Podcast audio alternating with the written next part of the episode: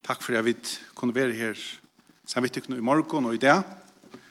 Erla og jeg er veldig takk for at kunne være her, og vi savnast rekkelig i Ebenezer, men uh, jeg var nekk min folk her, og er glad for at kunne komme her på en. Um, jeg husker nemlig at de tror jeg at det er som står her sunke, at det er underfullt av suttja, tror jeg sysken, og en familie, alle synsja om Herren Jesus Kristus, og Da hugsa husker om akkurat så vet jeg vet hvordan løy vi er det, og hvordan heimren drever, så sutja tru syskjen. Jeg ætla lukka binda at vi okst anna eisen at Asa, mamma der, hun var badnagenta kjem her, så alle feilene som hun gjør det, det gjør det med, så at hun dutte bedre seit med. At hun kunne vi snakke om at han Asa. Jeg kunne huske meg at hosa vid evne er a byrja av nudjon. Jeg kunne huske meg at hosa ut fra 1. Petersbrev kapittel 1. Og det er tvei ting som kommer fram for meg atter og atter, alltid ta i tåse for tøyna og alltid ta i lese for tøyna. Det er hese ting som har vi støv og stand. Det som var enskon er position and condition. Altså støv og stand. Okkara støv i Kristus som, som er obrøytelig. Gusser så er svært i etter. Og og så okkara standar som hever okkara forhold som er brøydelir til at vi liva i en heime hver vi hitja etter verne og vi vil drien av verne og ta brøyder opp okkara, okkara daglige forhold til god ikkje støvna vi er endbøyden gods men okkara glei og frier er årekvaver av heimsins dolching om vi kunne bruka til året og jeg kunne huksa meg av bort hendan båskapen eisne opp i støv og stand. og Og jeg får at lese fra vers 3 i kapittel 1. Og jeg husker om det er tingen som jeg kjenner frelsene fra vers 3 til vers 12 og så fra vers 13 til enden av kapitlen til som hever vi at jeg kjenner at han frelsta det er altså at hever vi vi standen, hos vi har det vi til. Men vi må alltid ta vid hokse om okkara frelse og hitje av støvene og være bergtidsen av støvene så at jeg gruper hjertet okkara, så er det liv okkara vil avspekle av tøy, og det er okkara stander i Kristus. Hebreabra kapittel 12 og vers 2, det blir ikke slå opp, jeg skal bare lykke å lese det, det stender «Hevan til egen event av Jesus opphavsmann og fullkomnar av troarnar, som for gleden og i fyrhånd la tålen leia kross og leia ønske vannærna, og sider nu i høyre og søy og hasedes gods». Det vil altså alt jeg vil fokusere på hva det han har gjort for oss, frelsen, Vi får minnas frälsarna om en löte där vi får täcka av brejen och vinn och vi fokuserar på något som han har gjort och som hever allt större avskan och alla vi gläds då i snett avskar och och ta hjälp på och att leva att liv i honom. Trutje sannlikar som styrket och allete som vi skulle gå som hitje etter. Det första så kör vi till vers 3-5. Lovar vi vara god och feir Herre okkara, Jesu Kristus som etter stor og miskun i hever endur født okkon til livande vogn vi oppreist Jesu Krist fra hinn og deio, til oforgengelian, odolkajan og ofølnajan arv, som tikkun er gømter i himmelen, tikkun som vi kraftgods er varvat vi trygg til frelse, som er til reier av oppenbera og sust og tog. Her byrjar vi at hitja at sindi fram etter, Jeg vil si at stövan som man har i Kristus er bunden av någon som ligger för framman tjokom. Vi får hitje etter någon som ligger for i attan, tar vi hitje etter krossversjonen, men til reisende bunte og en avvarskan av några ting som ligger for framman. Her bryr vi i framtiden, til som vi ena for skulle bliva, til som vi ena for skulle være. Han er ändå för att til en livande vogn.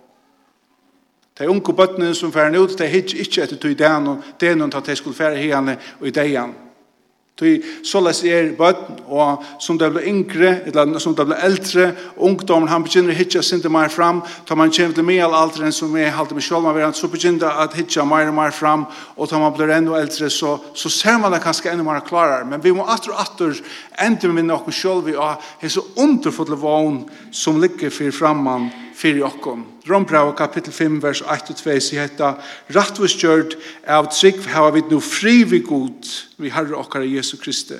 Vi hon hava vi eisne finnje etgångt og i trunne til hesa nøye som vi stand og i, og vi dråse okkar av vogn om dørd gods, en vogn, en framtøyar tryggleik At vi ein dag skulle være sammen med honom og i atler av. Hebrea brev kapittel 6 og vers 19 og 20 sier nega det stem og i tarvån har vi eins og trygt og fast atjer salarnar som for inn innom forhengje her Jesus som fyrrennar i okkara for inn. Han som gjørdes høvsprester i atler av og hotte Melchizedeks.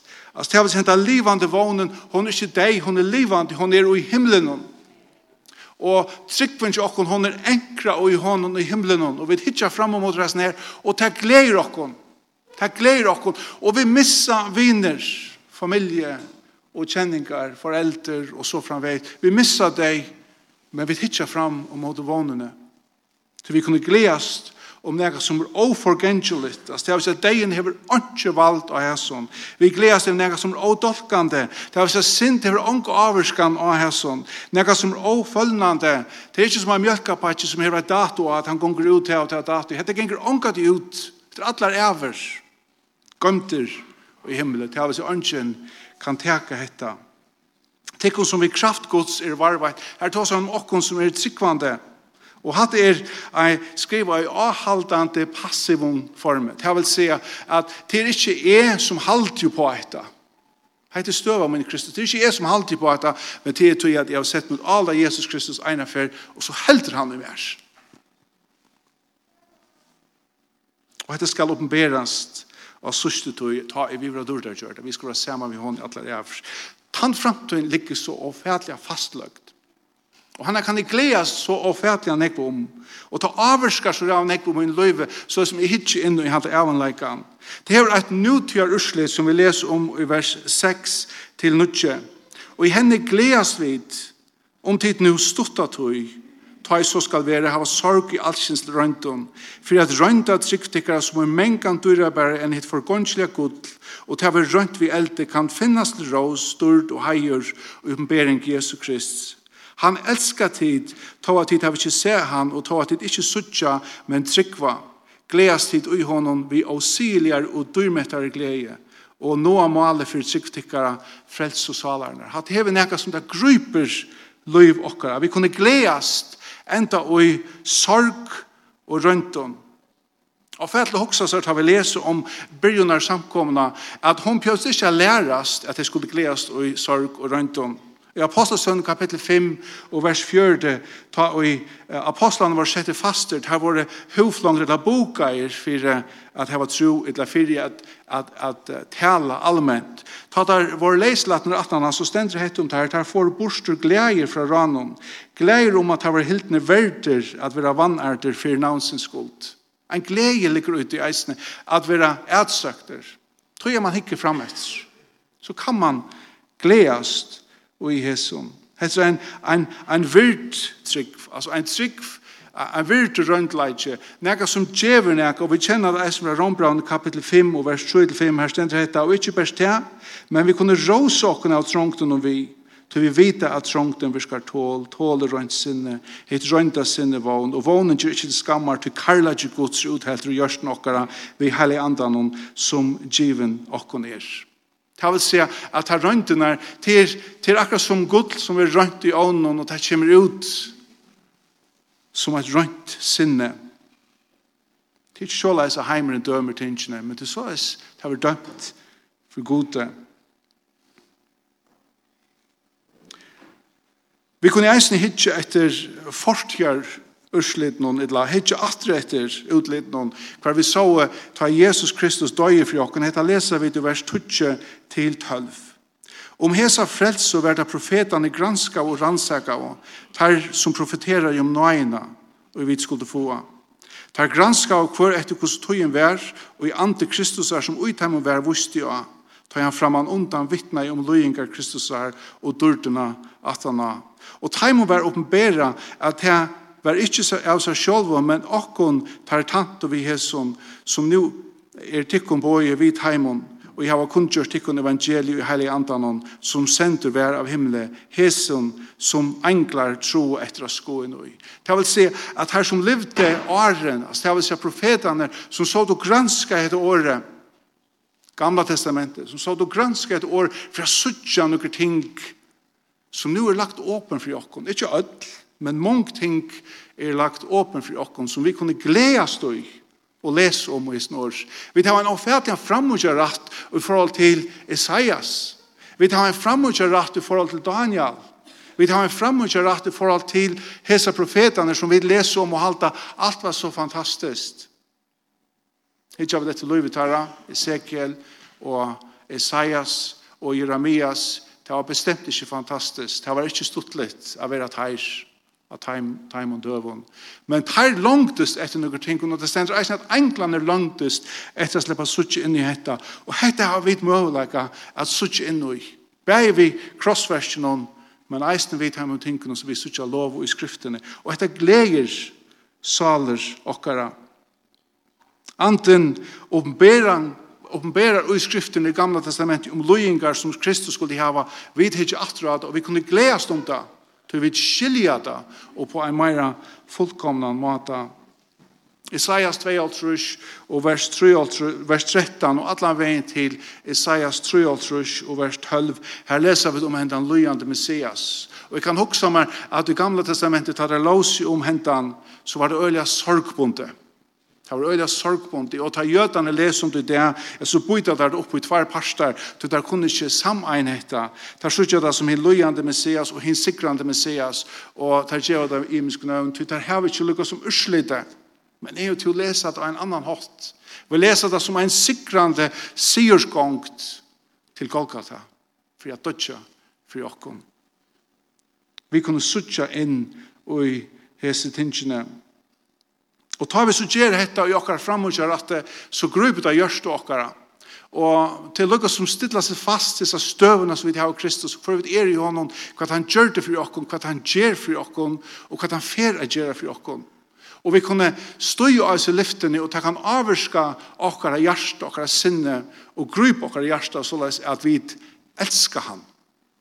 Vi elskar han. Vi blir endur forelska i honom, som vi blir forelska i, og vi blir frelst og ta avskar mot liv. Så kommer sin standren og i ljósen av hesson, så brøyter det mot liv, mot liv, så det som er livet, så det som er tale, og så det som er ære. Og til det som vi sutja fra vers 13 til 25. Da vi han vi hesten, i ljósen av hesson, så sier han hetta, Gire tog lentar sinnestikkara, Veri edru og seti halt og fullt vogn tykkar til nøyina som tykkun veitist i oppenbering Jesu Krist. Som lujen bøten skulle det ikkje skikka tykkun eins og arv avur, ta etter livti etter listen og tid visst og ikkje beter.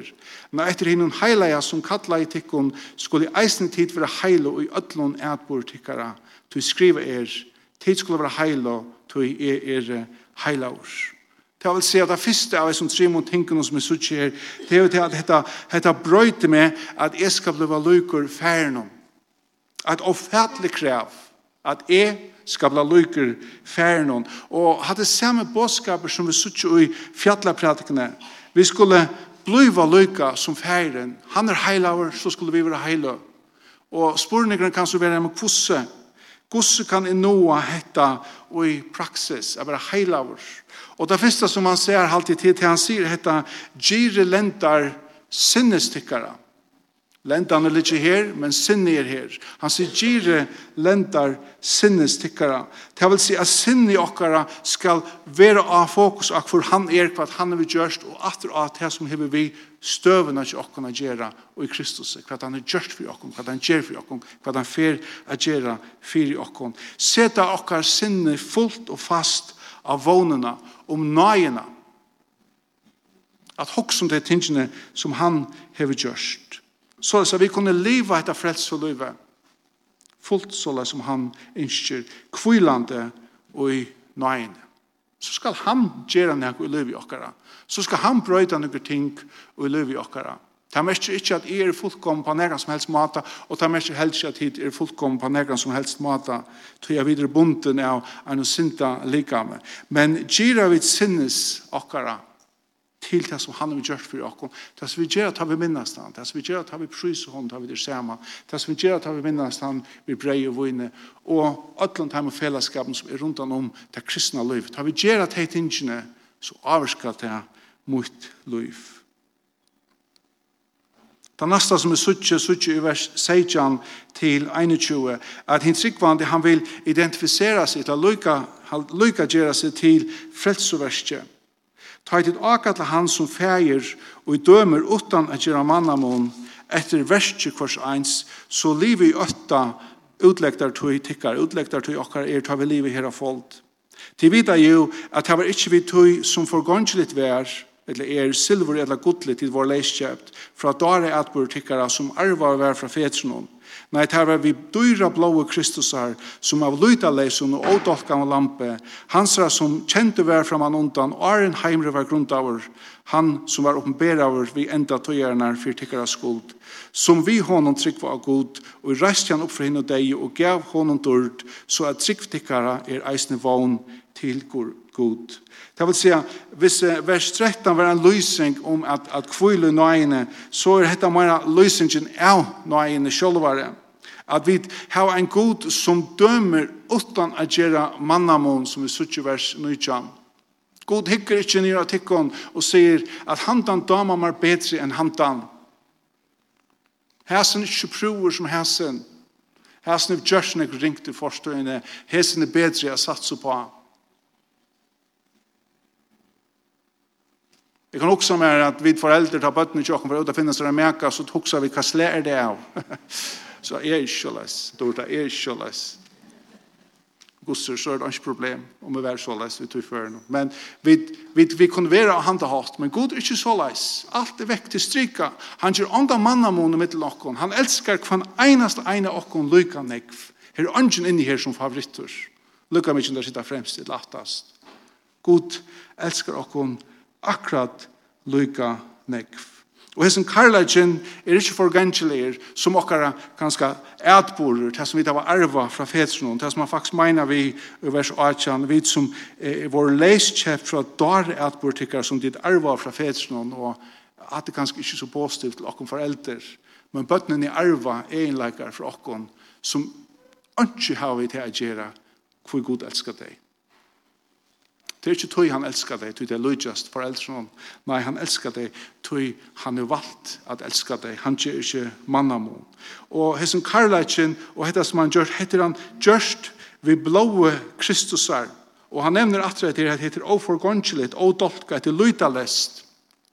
Og da han brukar det her året odolka, så heter han enga vi tog jeg gjør eisen, at det heter et nytt offer, Jeg minnes det gamla testamentet at ta det for inn at han står av båda den så var det et offer og det skulle være et helt år. Og ta det var offra så var det frukst, det var akkurat offra. Og jeg kan huske meg at lika listan her og hoksa nega hente hatt. Ta det er ikke akkurat offra, tar det øyelig godt for nasjonene. Nå har vi finnet blåe som dekker syndene til alle nasjonene. Men huske det ikke når det er åren henta inn.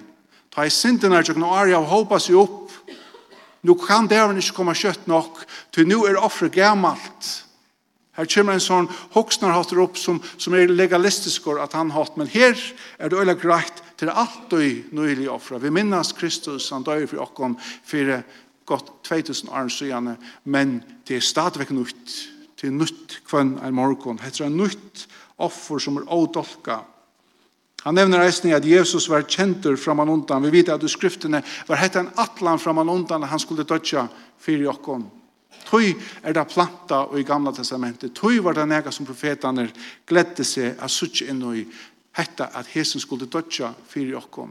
Vi kunne hitje atra at hetta var ikkje nukker avvanta gjer, nega som ble brøtt, en planer som god brøtt jo på, for jeg pjøss om nega omstøver. Nei, hetta var en atlan, tøy han elskar i te, tøy han elskar i med. Ikke bare å frelse det, men eisen halda der nær til oss her. Eisen for å ta det hjem til han. Det er blant frelster kjem vi trygg, Til er avlengar av tog er at vi eina av skulle være løyk, vi skulle være her, men her i midtelen er dette som hever standen å gjøre, vi har begynt om å fokusere på stingene, at han døy for dere. og at vi skulle være hjemme til hon, ta hjelper på dette livet som vi lever her, Og er stand, Jeg vil ha mynt atter og atter og jeg vi er bøtt god okkara og jøknum blå Jesus Kristus er. Og så sykja vi til sørsta, og vi skal ikkje vera lunge, men her stender til susta fra vers 22 til 25, at han tryggvande skal nu og i løyvnum her produsera nekka. Det skal nega komme ur løyvnum til hei som tryggvande, og jeg trekker av Men det kan best komme om vi liva fokuserande på det som han gjør det for oss, og det som vi egnet for å være, så brøytes livet til oss. Og han sier dette, etter at jeg har renset saler tikkar og i luttene for sannleggene til broerkarlegga som ikke best reit. Broerkarlegga som ikke best reit. Det var brennande karlegga kvann til annan av regnun hjertet tid som endefødt er det, ikke av forgåndselig søye, men av om vi året gods som lever og værer.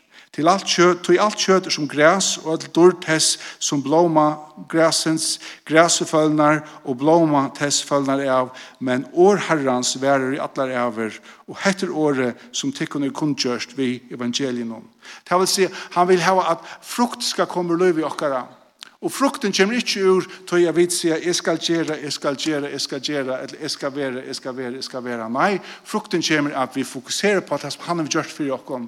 Begge det som kommer skal, og det som er gjort for dere. Og vi dvølger til tingene. Vi tar tankar, fengar. Vi gira lenders dere, Vi hukser de tingene som vi har finnet for honom de tingene som tar gamla testamentet langtest etter suttja, som to og jeg har finnet framgjør rett, å kunne dvelje av dagligene, å gledes om.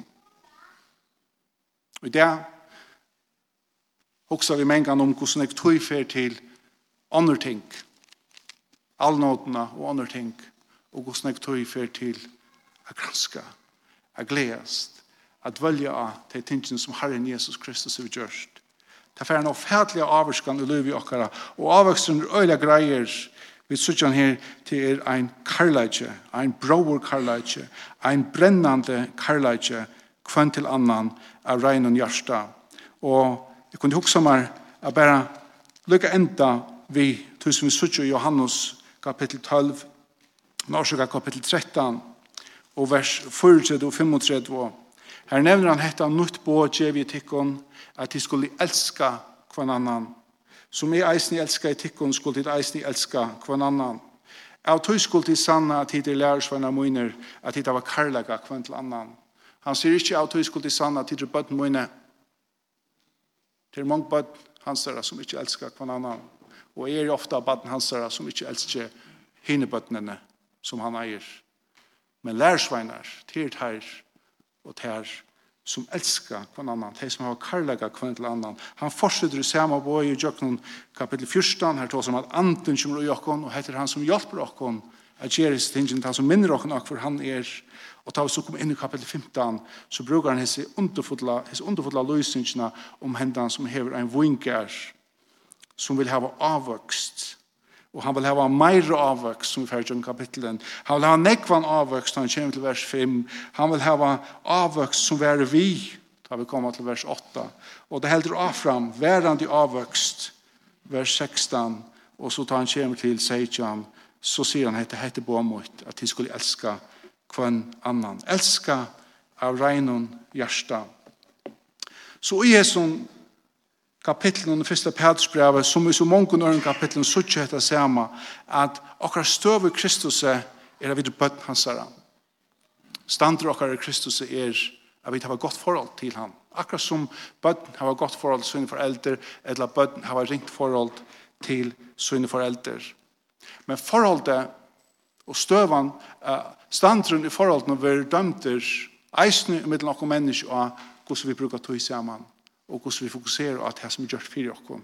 Og her er det at ferien er fremmedfyrre Nek alla okkom. Det er ingen okkom for eldre som er gjørst sånn hekk for bøtten okkara som hesen færen har gjørst for så inne. Han karlægje som han har vist okkom. Ta fram og gjør atter. Så let okkom dvølja av hese tingene og let okkom hokse om han frelsar okkara som breiter sina armar ut av Golgata til han elskar i meg og han elskar i te.